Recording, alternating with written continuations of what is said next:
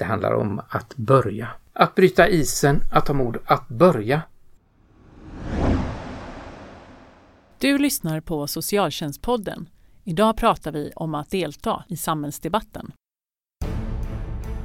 Vem är jag till för som socialarbetare? Står jag på den svaga sida? Står jag på maktens sida? Min kompis sa att om man snackar med SOS så tar de barnen. Att spara pengar till statskassan genom att utförsäkra en massa människor, då biter man sig själv i svansen till slut. Och det är väldigt viktigt för Sverige att socionomer vill arbeta i socialtjänsten. De vill ha en socialtjänst där socialsekreterarna är stolta över sitt jobb. Hej och välkomna till Socialtjänstpodden. Podden för dig som är intresserad av socialt arbete och socialpolitik. Man pratar ofta om att socialarbetare är de som först ser hur lagförändringar slår mot människor i en utsatt situation och att socialarbetare borde höras mer i debatten. Jörgen Lundell, docent i socialt arbete vid Göteborgs universitet, har skrivit boken Debattlustans röster för att beskriva socionomers deltagande i samhällsdebatten och försöka uppmuntra fler att ge sig in i den. Och Jörgen är med oss i podden idag som också spelas in i en studio på Göteborgs universitet. Hur kommer det sig att du har skrivit den här boken? Ja, eh, det handlar om, om, spänning för att jag tycker att eh, eh som nu när vi är inne i en podd så kan vad som helst hända. Eh, även om det inte är direktsändning så eh, har ordet eh, en makt. Eh, språket är betydelsefullt och jag tror att socialarbetare måste bli mycket bättre att använda sig av ordet. Socialarbetare är ju experter på att föra samtal har mycket erfarenheter och det är, eh, tycker jag, väldigt synd då liksom att de är tysta i samhällsdebatten. De måste höja sina röster, ta ett steg fram eh, och våga se faktiskt att det är både stimulerande och roligt. Så liksom ge sig utanför samtalet på individ och gruppnivå och gå till lite större arenor. Ja, jag tycker det. Eh, våga eh, tänja gränserna, eh, våga utmana sig själv men också våga utmana systemet. Jag tror att det behövs i de här tiderna eh, när någon talar om New Public Management, eh, mycket besparingar och nedskärningar och stress och ohälsa, så händer väldigt mycket positiva saker också. Men socialarbetarna måste finnas med i diskussionen om eh, fördelningspolitik, eh, eh alltifrån skatter och bidrag till att eh, vara med och kommentera när exempelvis Försäkringskassan reformerar en förmån. Mm. Vad innebär det för människor, för familjer, men också för dem själva? Mm. Mitt intryck från att det att jag var student för 20 år sedan till idag är att socionomer ofta säger att socionomer är för dåliga på att delta i samhällsdebatten.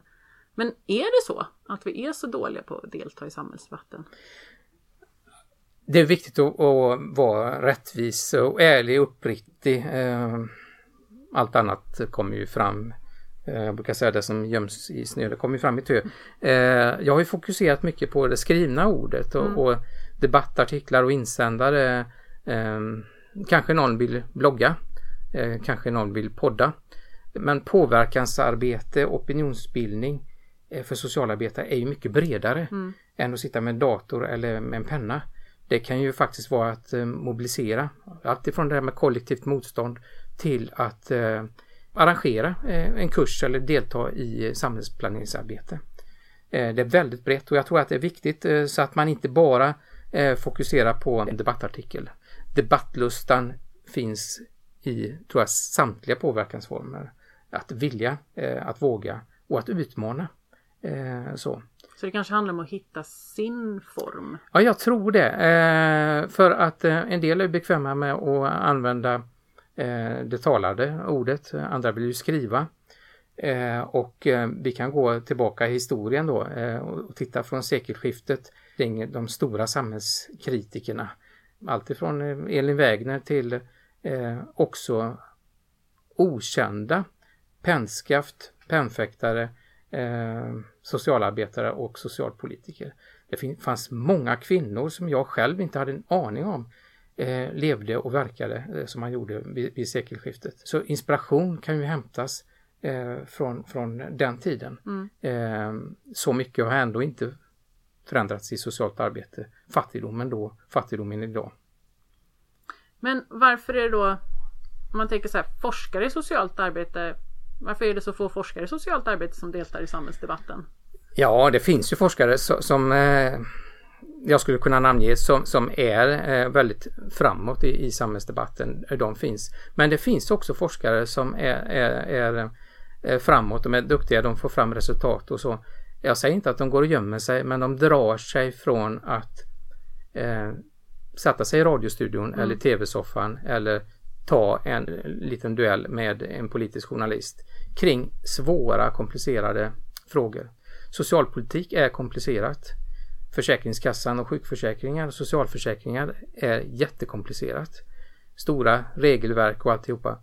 Och jag tror att eh, många socialarbetare tänker som så att eh, möter de en journalist så eh, kommer det här med snuttifieringen och att man inte får tid på sig att utveckla sina resonemang. Då måste man kunna ha snabba one-liners. Ja, jag, jag, tror att eh, man måste utveckla en, jag tror att många har det inom sig, men man måste vara tydlig och plocka fram budskapet. Mm. Vad vill jag ha sagt? Eh, det går inte med långa historiska penseldrag för att eh, beskriva vad som händer just nu när Försäkringskassan reformerar en reform. Um, deltar du själv i samhällsdebatten? Jag försöker göra det, eh, annars så känns det som att jag skulle sitta här och eh, inte kasta sten i glashus men ändå känna liksom att eh, att leva upp till någonting. Jag, har, jag skriver debattartiklar och jag skrev mina första debattartiklar när jag hade precis börjat på eh, högstadiet. Oj. Eh, då var jag, eh, då var jag en, en, då var inte jag gammal men då satt jag med en skrivmaskin och skrev en text och så, så satt jag inget frimärke utan jag, jag, tog mig in till tidningen och uh, gick och läm lämnade över den. Uh, jag säger inte att jag bockade då uh, men så fick jag också ett författar honorar. Jag fick en ersättning för att jag hade skrivit den här. Wow. och så gick jag hem och sen eh, somnade jag. Och så var det en spänning faktiskt att gå ut och springa ut till brevlådan och hämta tidningen och eh, fläcka upp då debattsidan. och där fanns ju debattinlägget då.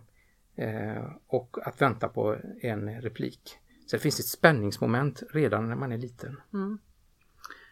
Um, idag tänker jag att där är ju också, det finns ju så många olika debattarenor också. Det är liksom inte den tidningen eh, som det kanske var då för dig. Utan det, idag är det många sidor på nätet där man kan ha, man kan sprida debattartiklar på ja, det är det. snabbare eh, sätt. Ja, Eh, och, och, eh, men, men, vi har ju yttrandefrihet och meddelarfrihet, men jag pratar om yttrandefriheten då, eh, utifrån grundlagen. Och eh, den finns ju inte bara där, utan eh, precis som demokratin, den måste underhållas, den måste användas, eh, underhållas hela tiden. Använd din yttrandefrihet, det är ett väldigt viktigt budskap. precis som att man ska använda sin kritikrätt om man är anställd. Så eh, ja, ett exempel är att jag nyligen själv har skrivit en, en debattartikel i Göteborgs universitets personaltidning. Och eh, den vill jag inte ska stå eh, utan replik eller respons när det finns eh, tusentals anställda mm. vid ett av landets största universitet. Så jag, jag, förväntar mig ett engagemang. Och om det kommer från en botaniker eller från, från en apotekare eller en eh, socialarbetare, det spelar ingen roll. Eh, men, men, eh, för jag, jag, tror att tystnaden är det, är det farligaste. Ja. Vi kommer tillbaka lite till det här med repliker.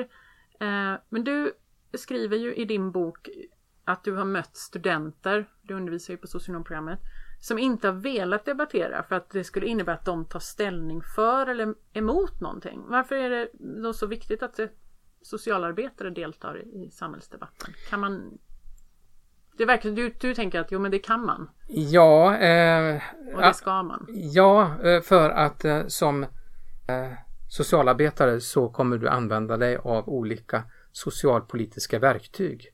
Och vad, vad menas då med sådant verktyg? Ja, det kan ju vara olika former av eh, manualer, manualbaserat socialt arbete, olika klassifikationer. Det finns en klassifikation som an, används på, inte bara på Försäkringskassan utan också runt om i kommunerna som heter ICF mm. och det är en internationell eh, klassifikation av funktionstillstånd och hälsa. Mm. Så, så, och det är socialpolitiska verktyg eh, och de är till för någonting. Eh, det är ju för att kunna förbättra eh, levnadsvillkor, eh, kunna göra jämförelser eh, och se utvecklingen över tid. Så det handlar mycket om språk och att skapa förändringar. Eh, och socialpolitiken eh, styr och påverkar det sociala arbetet.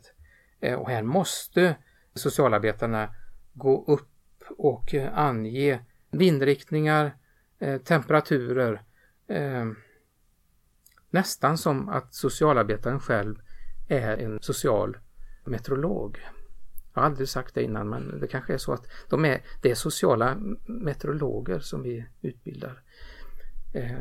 De kan göra uttalanden om färdriktningar och hur det ser ut. Åtminstone utifrån ja, det sociala där arbetet. de är Ja. det sociala arbete där de Ja, arbetar. ja. Mm. men eh, det handlar inte bara eh, om du eh, är inne inom ett område, missbruk eller eh, fattigdom eller eh,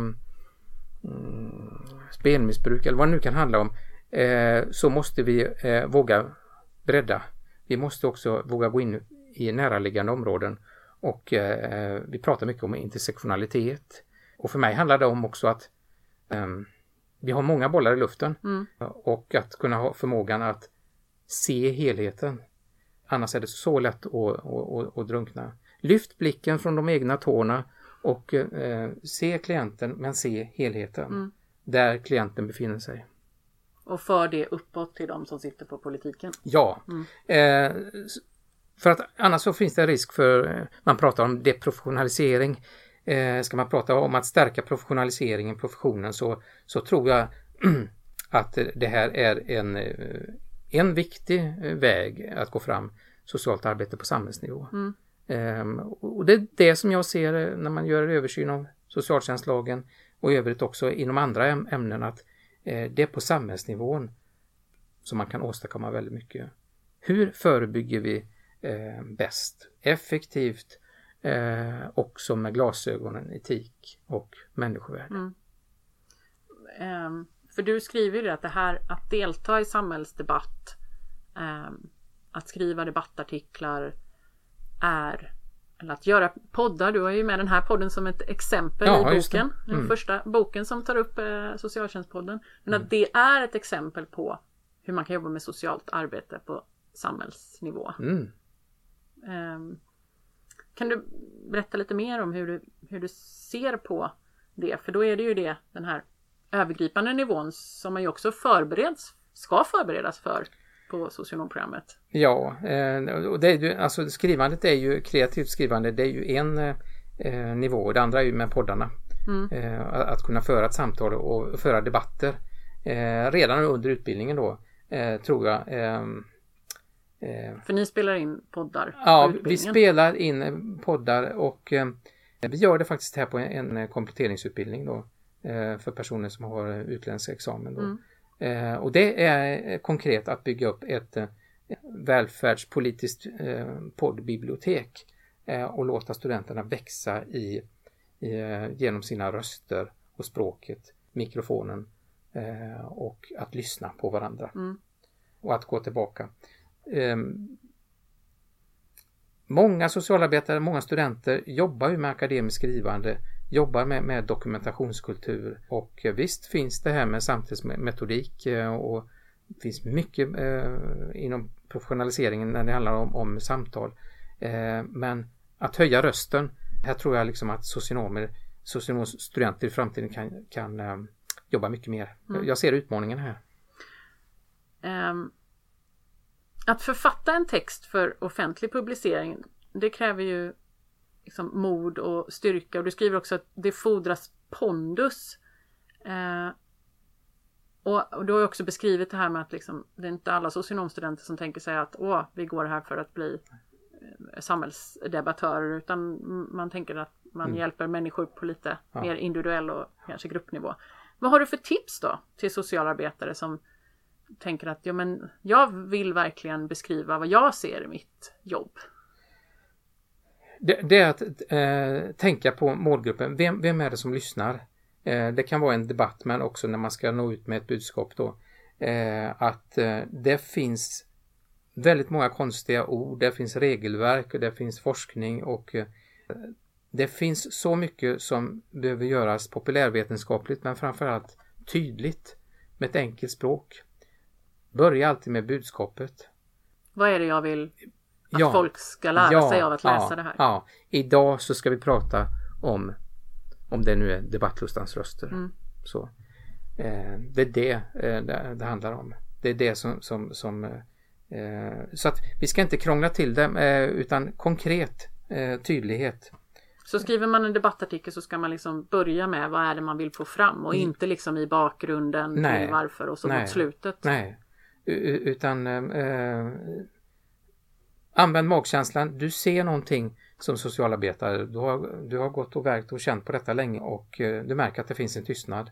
Eh, hur ska den brytas? Mm. Eh, så.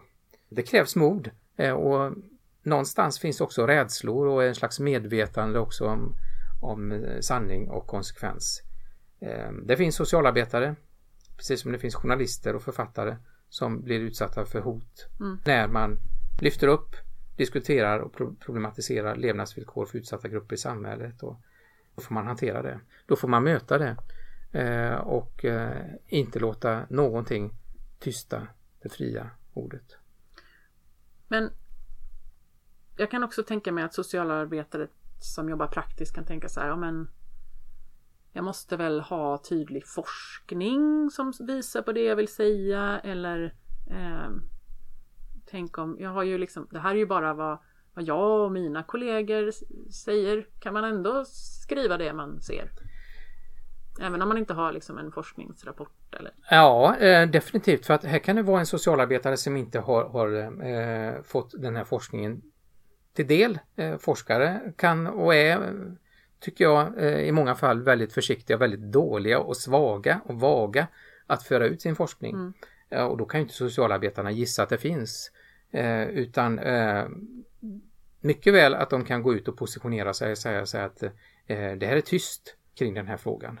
Ja, eller det, vi- de här människorna drabbas. Ja. Sen o- exakt Precis. alla skäl till varför det sker Ja, eh, kanske man inte måste skriva Nej. på 3000 tecken. Nej, nej. Så, så att, eh, och det saknar jag. Visst ser jag debattartiklar där forskare skriver tillsammans med brukare och socialarbetare.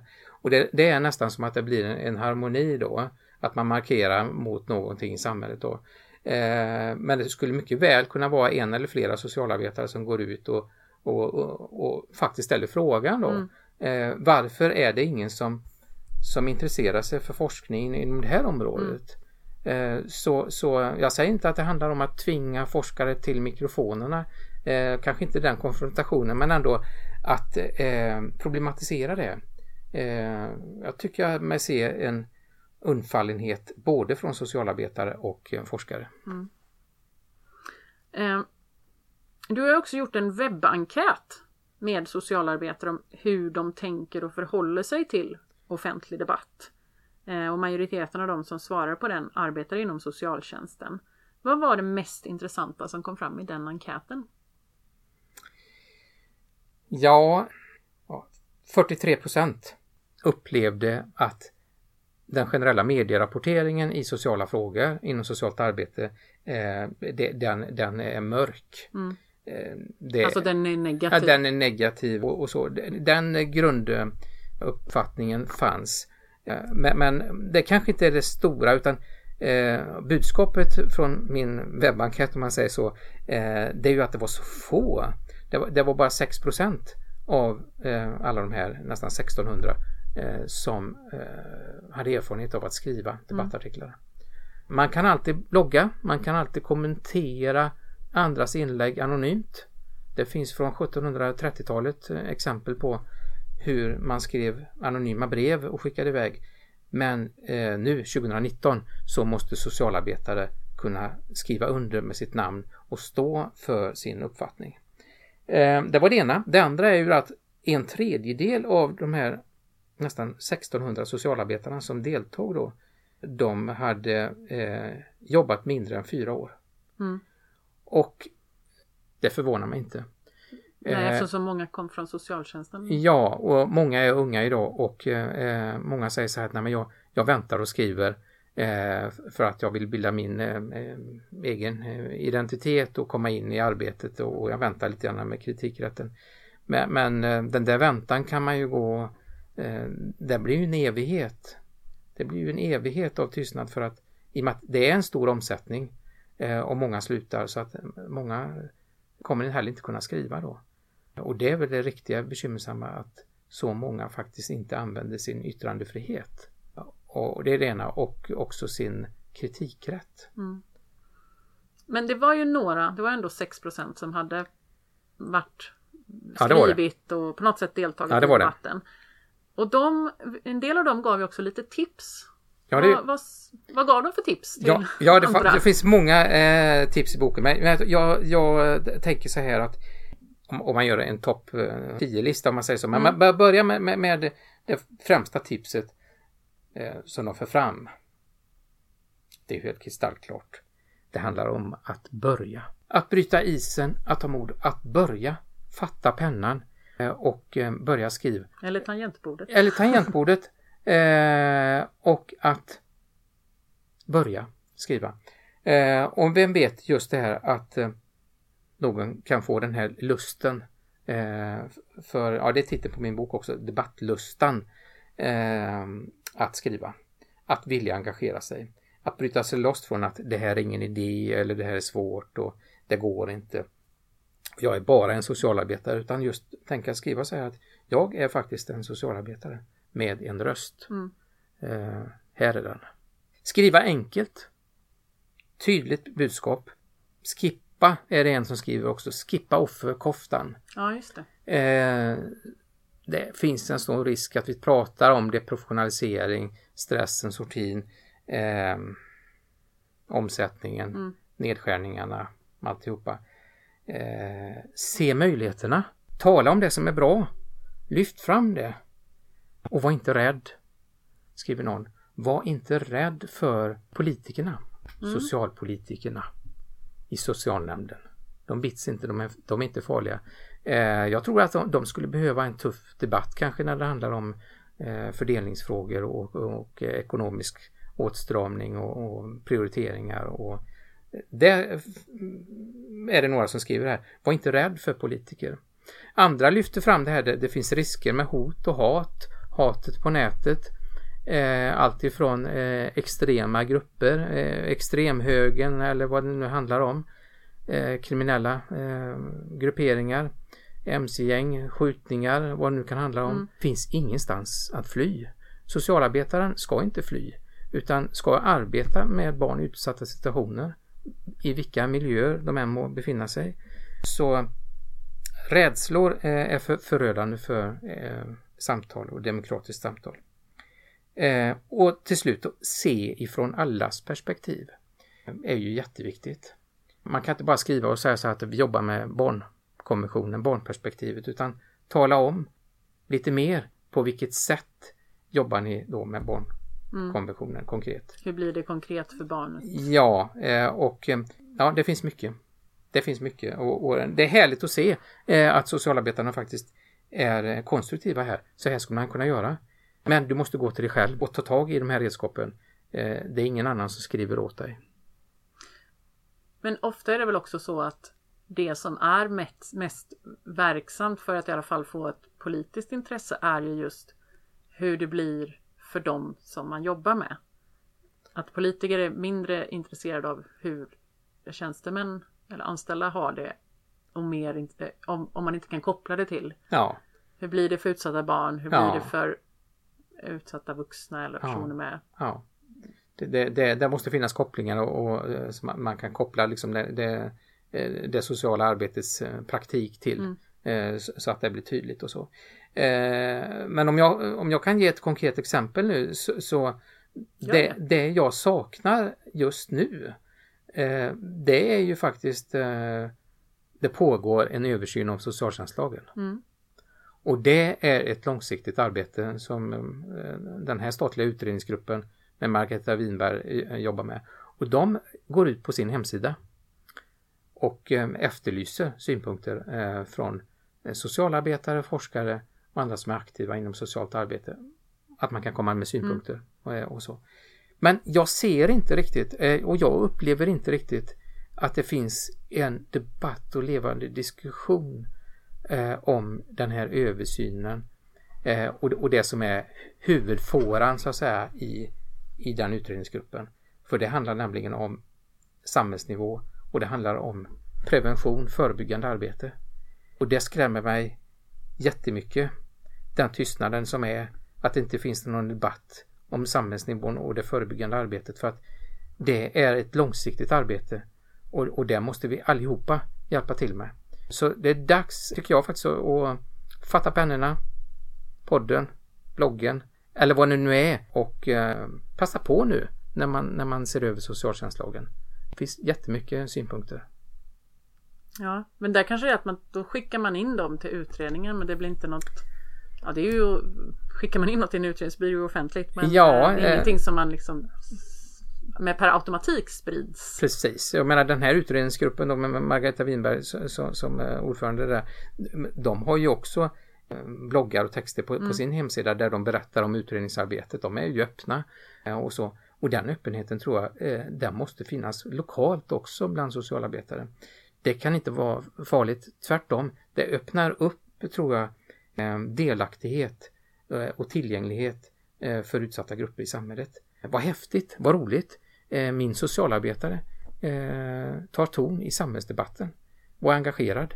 Eh, Så.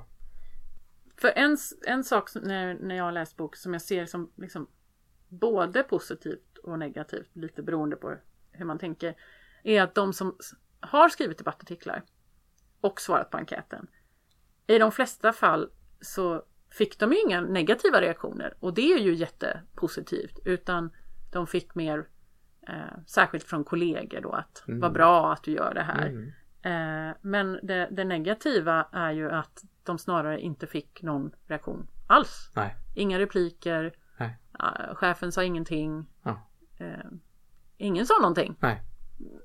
Mer än kanske några kollegor. Ja. Ehm, och det är ju, så då kan man ju säga att det är inte så farligt att göra sin röst hörd.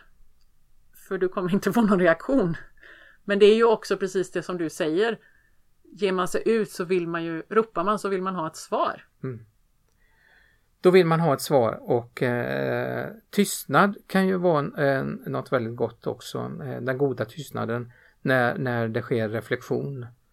När det finns ett andrum eh, Eh, när det finns tid att reflektera. Och för studenter så är det jätteviktigt när man är ute på sin verksamhetsförlagda utbildning eh, på fältet. Eh, men också kurser att det finns tid att diskutera eh, och reflektera. Eh, Den andra tystnaden är ju då eh, som du säger när det blir tyst, det blir knäpptyst. Eh, och eh, ja, den värsta risken är, är ju eh, som jag ser det då att någon slutar och tänker det är ingen idé. Det var ingen som tyckte det var Det intressant. är ingen som säger ett ord Mm. om eh, den här debattartikeln. Så.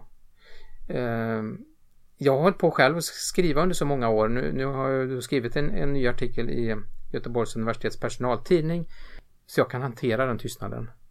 Eh, men det är också en akademisk miljö Mm. med tusentals anställda eh, som jobbar med olika eh, saker så alla läser kanske inte en debattartikel men, Eh, det, det en viss förväntan har jag eh, och det har alla som skriver.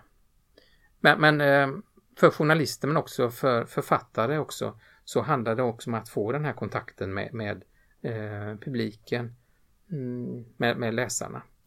Eh, och eh, det finns många människor som läser tror jag också som, som kanske inte har möjlighet, nu tänker jag på utsatta grupper i samhället, eh, som inte har möjlighet att eh, hålla en penna eh, eller som att uttrycka sig eh, med sin röst. Så, så, så det handlar om, eh, som en journalist skulle säga, eh, att jag företräder den lilla och utsatta människans situation och röst i samhället. Om det kan också Ja, socionomer och ja, tänka. ja eh, faktiskt. Eh, som ser Eh, en utveckling, som upplever någonting. Eh, det här är min känsla, det här är min upplevelse och så. Det, det kommer ju ut rapporter, tänker jag också, eh, statistik, eh, Socialstyrelsen, Sveriges kommuner och landsting, eh, professionsförbunden, Akademikerförbundet, SSR, universiteten. Det finns eh, material att luta sig mot eh, och förhålla sig till. Så om inte det finns så, så, så ja, jag gjorde så att jag skickade ut en webbenkät. Eh, så. och eh, visste inte alls vad som skulle komma in. Så, så att det här var spännande och överraskande. Mm. Men sen har vi också det som har konstaterats i, i studier är också liksom tystnadens kultur som är studerad i socialtjänsten.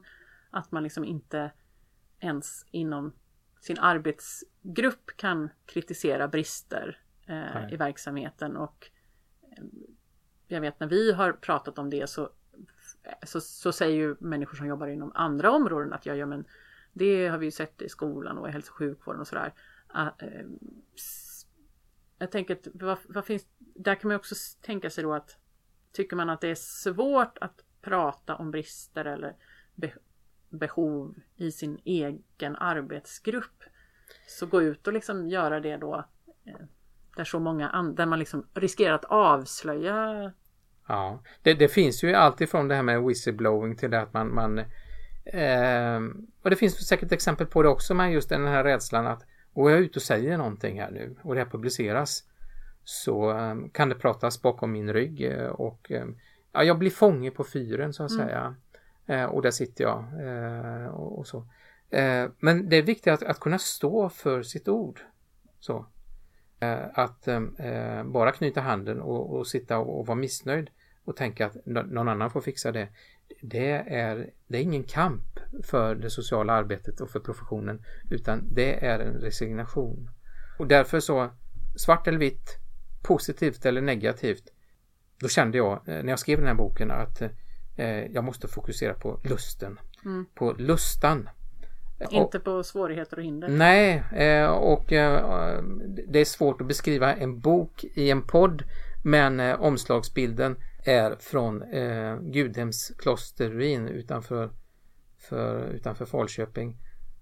Och ja, det är en bild på ett gammalt kloster och nunnorna de rymde därifrån och någon, några kanske tänkte så här, det, det, finns ingenstans att fly, de kommer tillbaka och så. Eh, och visst, de kom tillbaka men eh, det där är eh, finns mycket symbolik eh, tänker jag så här, det finns ingenstans att fly. Och vi ska inte fly utan vi ska, vi ska föra ett samtal eh, och vi är trygga i, i våran roll eh, inom socialt arbete. Så, så, lustan är ju helt enkelt då liksom, hur kan vi utveckla skrivandet? Hur kan mm. vi ta hand om varandra då? Och eh, eh, ja, sen får. Och vi vill väcka debatt för att vi ska bidra till att det blir bättre. Ja, ja. Så, så att eh, halva den här boken handlar ju faktiskt då om, om unga socialarbetare idag eh, som svarar i en webbenkät.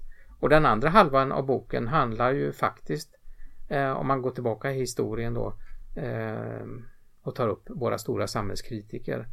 Eh, kontroversiella Eh, men framförallt de har gemensamt eh, är att de förde debatt och diskussion. Va? Ehm, kanske inte så många som, som pratar om Alva Myrdal exempelvis. Men i mitten av, hon jobbar ju med, med fredsfrågorna. Hon jobbar med mycket. Eh, kapprustningen. Hon blev i mitten av 70-talet eh, heders, hedersdoktor här vid samhällsvetenskapliga fakulteten här vid Göteborgs universitet. Så hon är med i boken som så många andra också. Vi kan lära oss någonting av Lis Asklund som eh, var radiokurator som uppmanar läsarna att skicka in brev. Och det gjorde man redan på 1730-talet. Då, då fanns det ett brevskrivande och så. Vad skulle hända idag, 2019, om en socialarbetare i en kommun eh, har en podd eller skrev en debattartikel uppmanade invånarna att skicka in brev till socialkontoret. Vem skulle våga göra en sån uppmaning? Spännande, tycker jag. Hur ska vi allmän handling och hur ska vi hantera det? Det är intressant Just, ur många aspekter. Ja, eh, så att eh, Lisa, Lisa Asklund hon hade den här brevlådeverksamheten och finns till och med en doktorsavhandling om de här breven som förvaras idag på Sveriges Radios arkiv i Stockholm. Eh, men ja, så att en resa att läsa hur det var förr i tiden Ehm, kan vi läsa om fattig, fattig, eh, fattigvården och fattigdomsfrågorna vid sekelskiftet så kan vi också läsa om samhällskritiken eh, som har funnits. Så det är lite så här både att man bidrar till en debatt och till det offentliga samtalet och till att förbättra idag. Ja. Men det är också att man Ja, bidrar liksom till en Ja, historieskrivning i framtiden. ja. Och jag, jag tror det liksom eh, eh, Eh, det fanns många kvinnor som, som eh, och jag säger att det var många kvinnor för de var i majoritet som saknade rösträtt i Sverige i början av 1900-talet, sekelskiftet. Som skrev och engagerade sig inom många olika sociala frågor. Och det var fredsfrågor, det var fattigvårdsfrågor, det var prostitution. Det var väldigt, väldigt brett eh, och så. Eh, och eh, det finns någonting och lära utifrån det och det är, är kraften i skrivandet, eh, språket de hade, drivkrafterna och inte minst det här liksom att man kan faktiskt vara verksam utanför det egna verksamhetsområdet. Mm. Men sen tycker jag också när vi pratar om repliker och så, så finns det ju, även om man inte får en, en replik i just en tidning eller på en webbplats, så med de sociala medier vi har idag så kan man ju föra en debatt på andra sätt och ja, på, ett, Ja. Det, det, på ett annat offentligt Ja, sätt. vi- visst kan man göra det och, och det och det går var och en sin egen publicist. Det går eh, väldigt snabbt och den här hastigheten då eh, och accelerationen gör att många hinner inte reflektera eh, utan eh, här kommer i släptåget eh, medvetna och omedvetna kränkningar och etiska frestelser som många faller för och tänker inte att i den snabbheten när man delar och publicerar så finns det många människor i samhället idag eh, som har svårt med språk, både det svenska språket men också dyslexi eller kognitivt att kunna ta till sig den oerhörda informationsmängden. Eh, så att i många fall så tror jag att en publicerad debattartikel eller insändare eh, som är avgränsad i, i tiden men i omfånget eh, gör att många kan skulle kunna delta och, och faktiskt läsa den. Va? Så du tänker att det, det finns liksom en plats för, Ja, vad ska man säga, gammal media i ja, papperstidning? ja, ja och, och, jag, och jag känner faktiskt eh, just nu så starkt när du tar upp det här med brevskrivandet. När fick du senast, handen på hjärtat, ett, ett handskrivet brev i brevlådan? Och vi går tillbaka till början av 1700-talet när man skrev brev och så. Nu så är det mejl som skickas iväg. Men- Sms? Ja, sms och så.